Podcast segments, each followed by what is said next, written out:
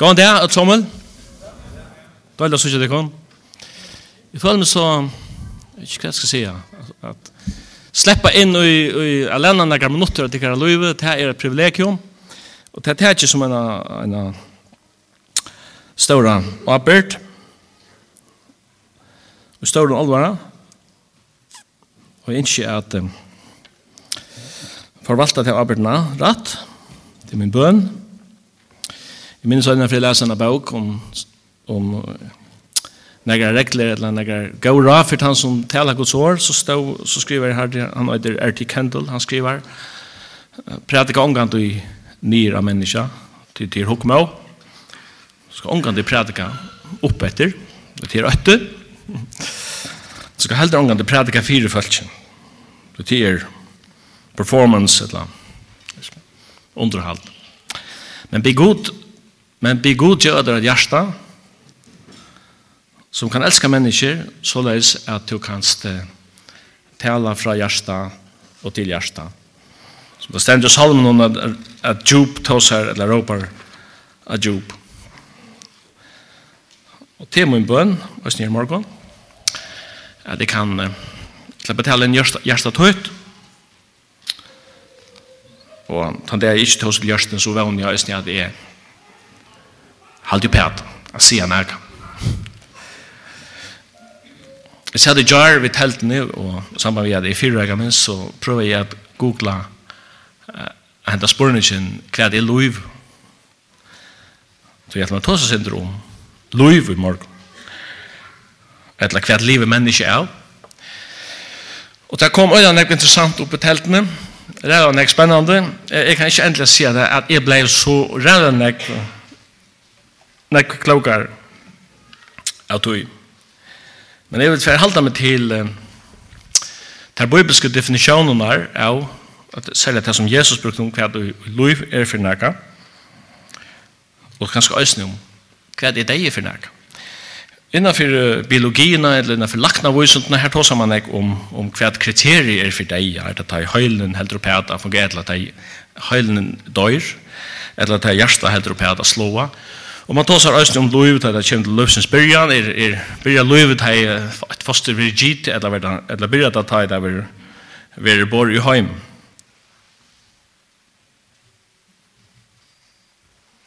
Hatt er så til vusendali eller medisinske diskusjoner som køyre det. På samme måte, hun sier, når det et menneske, og når livet et menneske, antallige, Andalet er nega mer enn biologisk loiv. Ja, uh, Augustin sier enn for såleis, at menneska er skapt til samfella vi god, og hjärsta til okkon ver, verande frilest, inntil ta finner fri i samfella noen vi skapar oss i. Det er disconnecta, det er utan samband, det er skapningen er utan samband vi skapar oss Det stender du i skriften at øv, øvund er ikke en godleisa. Det er godt at du føler noen grunn til at øvund er en godleisa, men det stender du skal ikke øvund en godleisa. Du har øyre ångan fri. Så det er ikke at øvund. Det han er åttan til temal og det endamal som han egentlig skapte til. Men det stender om Jesus, og i byrjanen er Johannes evangelien, så leis, at og i hånden, og i hånden var loiv, og loiv var ljøs menneskene. Hva er det så for et, liv han tåser om her? Så ser man Johannes og skriver i brevet, til tro i brøven. han sier i første brevet, at livet vær åpenbæra, og vi tæva sæta, og vi kunngjøra dikken liv. Så liv er åpenbæra, vi tæva sæta, vi tar noen vitta, og vi kunngjøra dikken liv.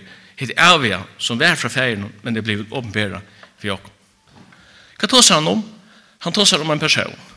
Han tosar ikke bare om det som hessen personen sier, talar, men han tosar om det som hessen personen er. At liv er personifisera og i tog av god som er avgjør og i, tøyana, og i fytling tøyene kladde seg og i holdt og blå og ble fatter inn i menneskens slekt. Og hervi er han ikke bare, bare løyve, han er en, en livande, gerande ante som året sier, at han kan, at det trunni av Kristus, være et menneske født til et hakre liv. Just det som apostelen tåsar om, og i 4 Korintbrev 15, han sier, For gongele leike kan ikkje arva og for gongele. Og det deilige kan ikkje arva til og deilige. Altså, en endreføring skal til et liv som er født og mann fra. for at menneska kan få lot i Guds natur og i Guds rydg. En sanger som er føreskund, som, jeg, som ofte hører hod ikke med, en, en, det er ikke tilsnakker, så er andalig sanger, han er til en, en akkurat tjåskapersankund, som er ikke av Karsten Høydal, han sier i, i en ørende, Løyve dyra under, eva lutur av, at evanløygan bo av magn og andar som sjelver tjøknum loft og gjør og hev vi ljøse myskre vokstre og vi vanta. Det stutta bil til streimar tjøknum med, ei, mjø, ei mjøker hår mun skal åpen vera, og i skapningen hon at no tetjast he, og tær i verskje, satt og sømter bera. Jeg føler at her er sånn djuphoks han 18 at man, man beveger seg ganske av grensen mellom til antallia og til, og til tjóskaparlega. Til Løyvi kallar han fyrir et, et durst under. Og nu vet ikke om han skal ta seg om det, om det biologiska Løyvi, og det er så sannelig et under. Men jeg var fatter om han fra, jeg var fatter av gode, det er et, et menga fyrir den større under. Løyvi er åpenbæra, og jeg har sett på Det minnes frasøkna i Lukas 15 om sonen som får og sier i feir Gjemmer arven her og nu og papen gav han da og så fann han sted og spilte til bort Da han enda i elendighet og fattigdom i middelen svinen i landen og lengt bort så får han har tanka, og tankene var første stiget til at han tok stiget til at Jenna Gavitta, og han, da stendte han røstest og kom til feien. Han fikk han en måttøke som er av, av, av format, kan man säga. Tog han feien gav på om han slakta gøyngakolven og halda henne rymmarvarsle. Og grunngjøringen er at tog hessens hånden Han var deir, men han var livande atter. Han var mister, men han er funnet. Hans son er omgang til å være biologisk deir, men han andalig og verleg han merker, merker deir, og, og, og man kan si ut i mest rævlig grus som han tøyne merker skillnaden fra god og lov merker samfella vi god. Du sier, du sier Jesus så leis at han som tror av meg skal leva om han så dør. Og hvert han lever og tror han med, han skal i alle ræver. Ikke døyr. At her Kristus byrjar sitt versk, sitt, man kan si sina, sina allmenne tjenest, Da han lever 30 år av hera hjørnet, en kjøfell til hei han en, en, en pre-eksistens, til Kristus er framan undan ötlen og er om alle ræver. Men i fylling tog han er god klats i holdeble og i et menneske Kristus Jesus, Og vi vet ikke så redan ikke om hans herre badendom. Det er så synder om føying hans herre, og vi møter han tølvare gamle i tempelen hon. Men det er avmarska hva stender om det første 30 åren. Men det tredje året fjæren, så fer han, så fer han ur Galea, han kommer han Jordan, og han ut i ånda her til Johannes Døyberen. Og det er et, til et, til et øyelig kraftig scenario som, som, som, som er sitter her i, i ånda Jordan, da Jesus kommer ut i ånda, og han stender anlit til anlit vi døybaren Johannes. Hvor var Johannes? Han sier bare, jeg er bare en rødt. Jeg er bare en rødt. Jeg er ikke han som vil halte meg. Det er han nek, det som han sier ved sin, sin, sin, sin samtid, det er han nek for å ha tankar om meg. Jeg er, jeg er slett ikke så, så viktig som tid halte meg. Det er halte meg vera. Jeg er bare en rødt. Men det kommer en 18 år. 18 år. Og han er han er så mykje nek større og i mått og tegn enn jeg, at jeg ikke verder å boka meg ned til å løse skrekkvann.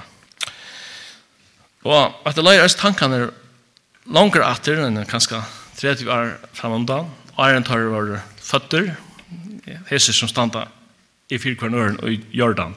Arjen tar vår kommer til barnet i heim, men framvis med han møvertara bærdar under beltet, så har det et annet ett annat scenario Lukas 8 som är jag minnar vi är det öjligast det är så störst att jag är klar illa jag klarar illa halta tarna att det är läsna och Lukas 8 för det första så ständer det om Johannes Döjbaren att han var filter av hela i andan lyka ur mörlöven hon är Das arn eini er hava er er opna Johannes her dagsljósi og arn sinni er først fyrir at døma í millum gott og ilt er han filter av høyla i andan.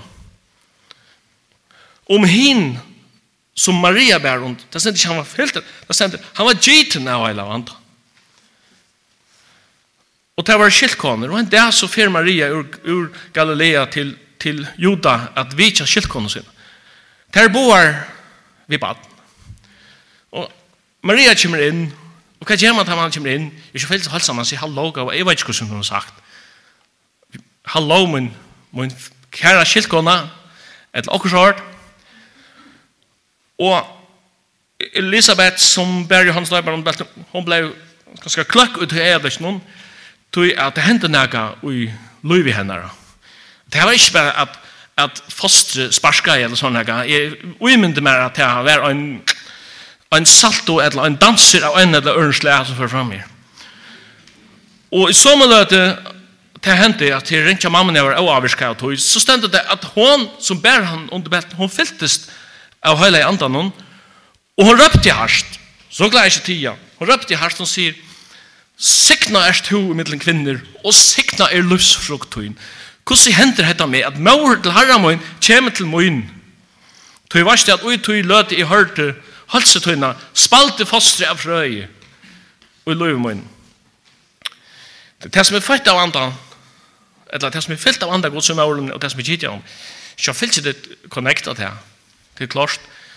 Og om, vi tog så ofte at uh, vi skulle analysera all ting og forklara det intellektuelt etter noen akademisk metoden og vi reduserer det til kjensler og vilja og vid og så videre, så videre. Men du kan aldri, du kan omkant du forklara til han som høyrer Guds anda til.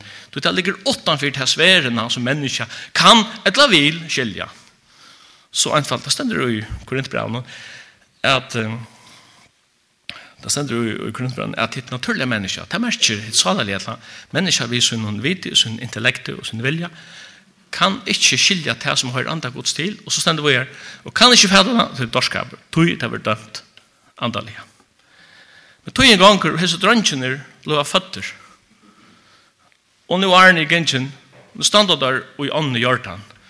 Og Johannes, som er filter ur, vi andagås ur maurløvne, og hever, hever, hever prædika en båskap, han har kattla folk til omvending, til rujtje gods i kommunær, og han har kattla deg til, til syndajottan og de kom ut, til, ut i ånda, fyrir jeg ble døpt av hon. Og han sette egentlig en treit for jeg døypa nærkran. Han setter en, en betingelse for sine dopskandidater. Det er det at han gjort i sånne her synder, og bekjente det at han ville vente om og leve et nytt liv. Det var krøven han sett. Og nå stender han i ånden, og han sier, Jesus kommer igen engang. Ta stod han andet landet. Öll hans herra, man ser öll hans säger teologi er nu alvorliga sett oppa prøva.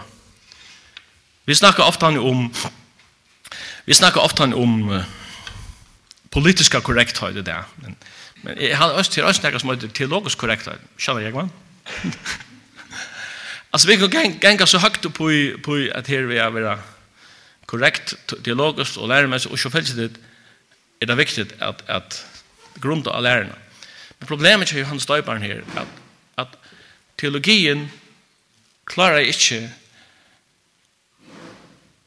Jeg stand i hese utføren han nu stod i, skulle døypa Guds egna son, tog, han kom ut her, han bekjente i ånga sint, Jesus. Han er einaste menneska som hever liva her i hjørne, som kunne hukt folk i anlitt og sagt, hver at ikkon kan vise av nekra sint kjem er. Han bekjente helt ikke at han var omvendt, han er ikke omvendt. Han er einaste menneska som er gynner her i hjørne, som ikke hei bruk for omvending, til han har ikke å vente om fra. Og Johannes sier vi han, Mer tørver var døpt til at her, men to kommer til moen. Så sier Jesus, let han nu være gjørst, til så leis sømrokken er fullkomma, alle rettvis. Og til at Johannes sier, og til løte skilt her, at Jesus vil, vil avtakke seg her, en, en omvendinger dåp til synda fyrir djeving, så er det ikke for sin egne synder, eller at han selv har tørm for omvending, men det tror jeg at han er selv offerlampe som ber synder heimsins, teker der av seg. Og etter han der ber Johannes a pøyga av han som lampgods, som teker borster synd heimsins.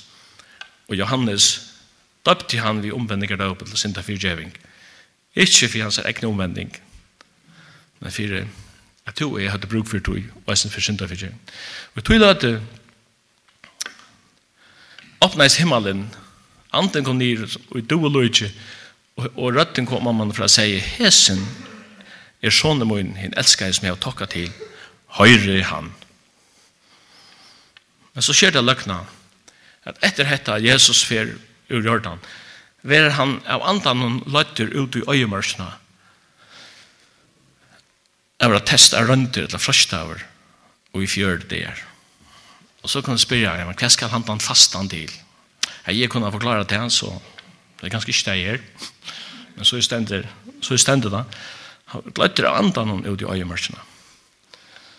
Her ønsken sa, ønsken visste nægge, og så så ikke mittel mennesker hva det gikk fyrir seg, og hva det var for, for scenarier som, som gikk fyrir seg ut i øyemørkene da i frøstaren kom til hans her.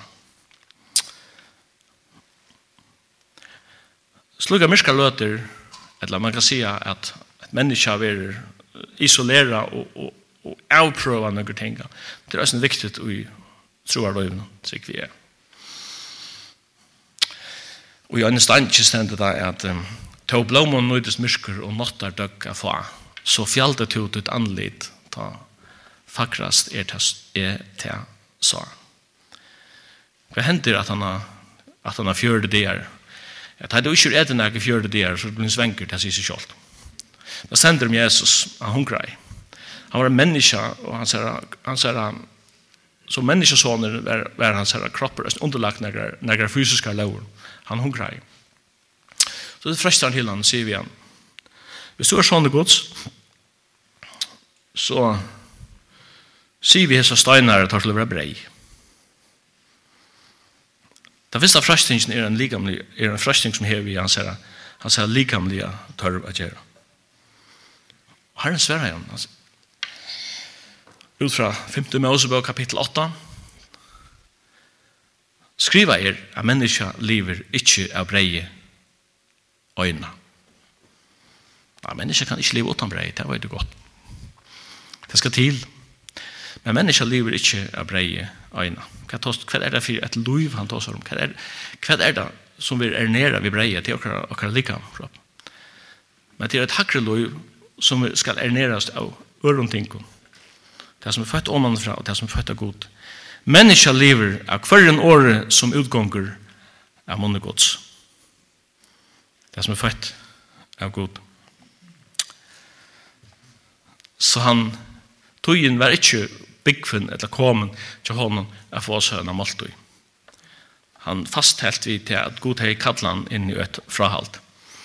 Året frahalt i det, og i akkurat vestlenske postmoderne i mentan, det er at det ångande er så opopulær som det er. Frahalt er ut, altså. Det er lukka mykje, altså, om vi tås om om vi tås om mat, eller vi tås om sex, eller vi tås om underhalt, eller hva det er. Og allugavel er frahalt en av andans frukten i Galata Galaterbra. Det er okkara, okkara, atali, okkara generasjon, hon skilda slett.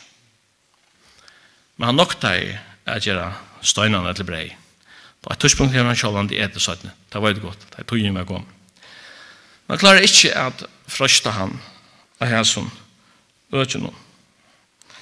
Og i brevbrann talstender så ikke til at ungen er skiløysinger eller vannheilaver, som Esa, og i fyrir best enn måltid av mæte, selte frumborar ratt søyn.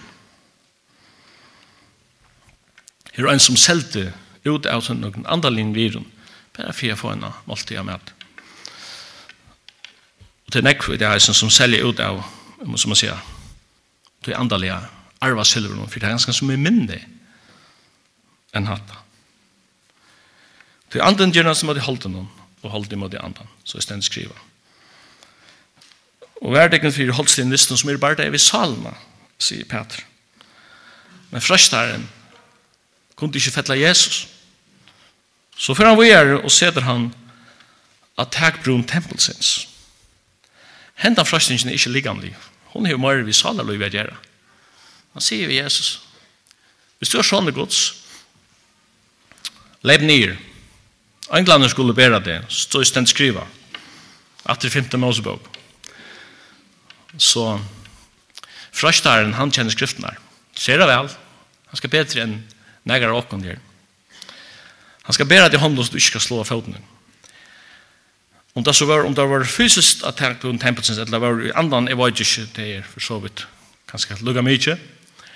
Men, men der stand det her, at her kom tempelen til er fjøre til Allen nyr i tempelgæren, og nær folk gikk ikke under ut av tempelen, så som jødan gjør, og ungen av dem som gikk i tempelgæren visste hva du, hva du gikk fyrir sjupi av tegbrun tempelsens. Men han som er skapt naturlaunar og tyngre launar, han kunne sagt at ikke lopi og lopi nyr, og finne gjerne, man sier, bleida landing nyr i tempelgæren. Han gjørst det, Jeg har sikkert øyla latt vi, haft latt vi av bli som Messias som skulle komma och fria jödarna ut. Det stände ju en människa som ska komma omanifrån, av skutchen himmelsens, som jödarna höll sig fram med. Men det här är inte brott och hjälpt upp av människans djupaste problem, nämligen syndaspornigen, som bara kunde lösas vid en offerdeg och en offerlamp. Vi satt där av Kristus här. Malet var ikke at blå virkjender og aksepterer av men malet var kom, Kristus kom Du skal kalla navn hans av Jesus, og han skal frelsa folks ut fra syndetar. Han var ikke kommet her i en enda heim for å forhandla vi frøstaren. Han var heller ikke kommet her for å imponera mennesker. Han var heller ikke kommet her i en enda heim for å underhalda mennesker. Han kom inn i enda heim for å løyde etter tog som fortapt vær og frelsa til han. Tog kom han. Så han lever ikke nyere. Han sier, du må ikke frøsta herran godtøyn. Er svære. Det kommer den tredje frastingen som, som, som er av en halt hon er nekt, nekt han frekast av dem ötlun. Han hever kjalt vi, vi til andalega løyve å gjøre. Han visste hon öll rujtjur heimsins frastaren og sier vi han Alt er her, og jeg, du skal få det hvis du fattner nyer og tilbyr meg. Det er så frekt at jeg har ikke overført det. At, at man, at han skapninger blir skaparen om han tilbyr han seg. Han sier vi han, for fram er satan til skriva stender, herran godtun skal du tilbya, og honom øyna skal du tjena. er funnet aldri på at tilbya det som skapt vær. Tar tilbya og skapar han. Og tar, tar, tar mest til løyvi på det. Du tar tilbya og ikke til skapta, men tar tilbya og skapar han sjálvan. Det andre verda er, at du leser evangelien, så sørst du at Jesus verer tilbyen. Og han protesterer i omgantøy. Aldrin. Apostlene opplevde i øyne blå tilbedner, og tar, tar blod pura desperat. Tar rundt ut med faktisk, stopp, stopp. Hette er lovligt. Hette må du ikke gjøre. Johannes og i oppenberingen fattler henne for nye at tilby angelen som er vusten. Og angelen sier vi at jeg er en skapning, skapning som til tilby god. Det stender om, om, om lærersvennerne i Matteus 28 etter, etter opprøsten Jesus her at han møtte dem at han så han tilbøy tar han. Og vi leser omgang om nægra protest. Det han var egen god, åpenbæra overholdt. Bara, bare til faktum at han tog med til tilbøy er og sjálfum sær et prekv om at, at Jesus er han inkarnera i han inkarnera i god.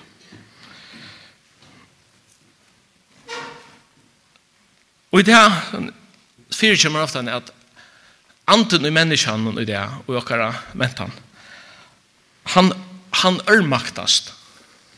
Menneskjan druknar og komfort og underhalt, som ikkje metta salen. Og jeg kjenner fyrir at mainstream, mainstream postmoderne mentan er, det er objektiva objektive normer for liv og atferd, Egentlig er ikke rett og ikke skøft, utan det som vi selv bestemmer skal være rett og skal være skøft. Og mal er et problemfrutt, beheiligt, underhandlande løy, haksta mal. Og så vil jeg si at akkurat her som hukkboren her, har gjort enda av nekvann sivilisasjonen. Og det er det som vi standa i fire, vi akkurat tog i det. Okkara vestlandska mentan sitter stutt spurna til vi er god tui, tui man sier, men til lujingar i heimen, og hvor er det, er det lujingar i heimen? Hvis god er gav, hvor løyver han løying? Det er klassiske spurninger som vi skjedde det. Finns det, finns det noen gav god til løyingen er en verlig? Hvor løyver han tog? Hva, hva, hva er enda malet vi løyingen? Hva mal hever? Men jeg har venta, jeg har venta spørningen som hatt det sier. Men hva er enda malet vi gleden og han gjør det? Ja.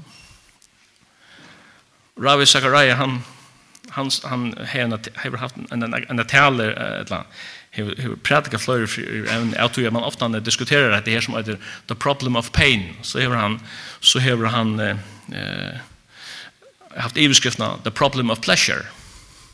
Han fortäller en fram var i en i en elevator i en hotell där han skulle hålla en tal så han är bulten under armen och han var några businessmen som kom in där så säger en vi han vad vad arbetar du med han säger jag pratar Og er det å være prædika nå, ja. Så hva er det evne kjallar? The problem of pleasure. Så sier sin businessman, I didn't know that was a problem. Så sier Ravi, that only shows you how big the problem is. we, we domkyrkjen i Milano er, er trutjar horar, iver einar hor stendur skriva stendur en krosser vi innskriftene alt som alla lojingar er finna stutta tøy Og ut i tre horn er en rosekranser.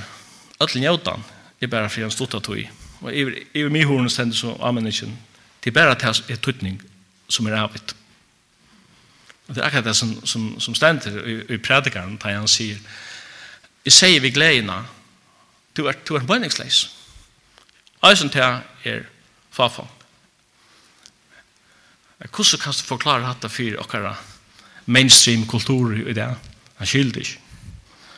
Men lukka så satt som det er at alt lukt færre en enda, gleden og sorgen her enda. Lukka så satt er det at løyve færre øyne en enda.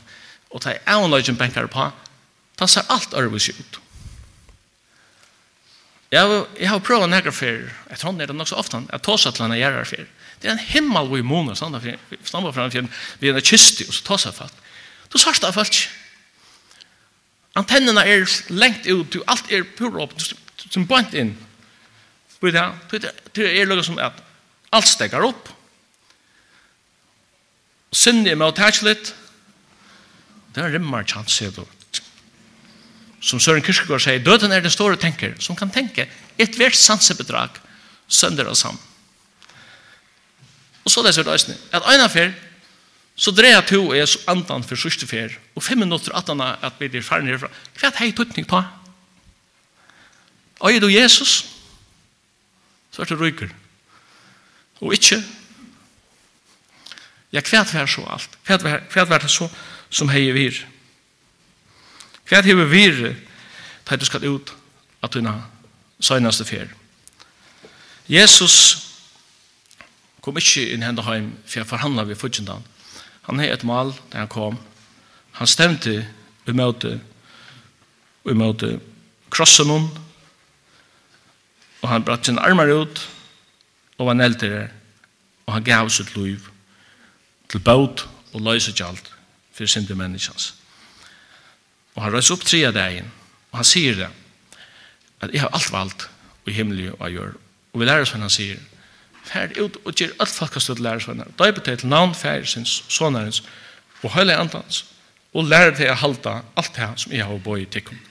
Og så sier han til sust, og til er altså min sust år her, til trøst og utju og Han sier, det er godt at vi ikke alltid føler det sånn, men han sier, og er vittikon, alle det er, lyka til enda tøyerne. Takk for herren siktikum.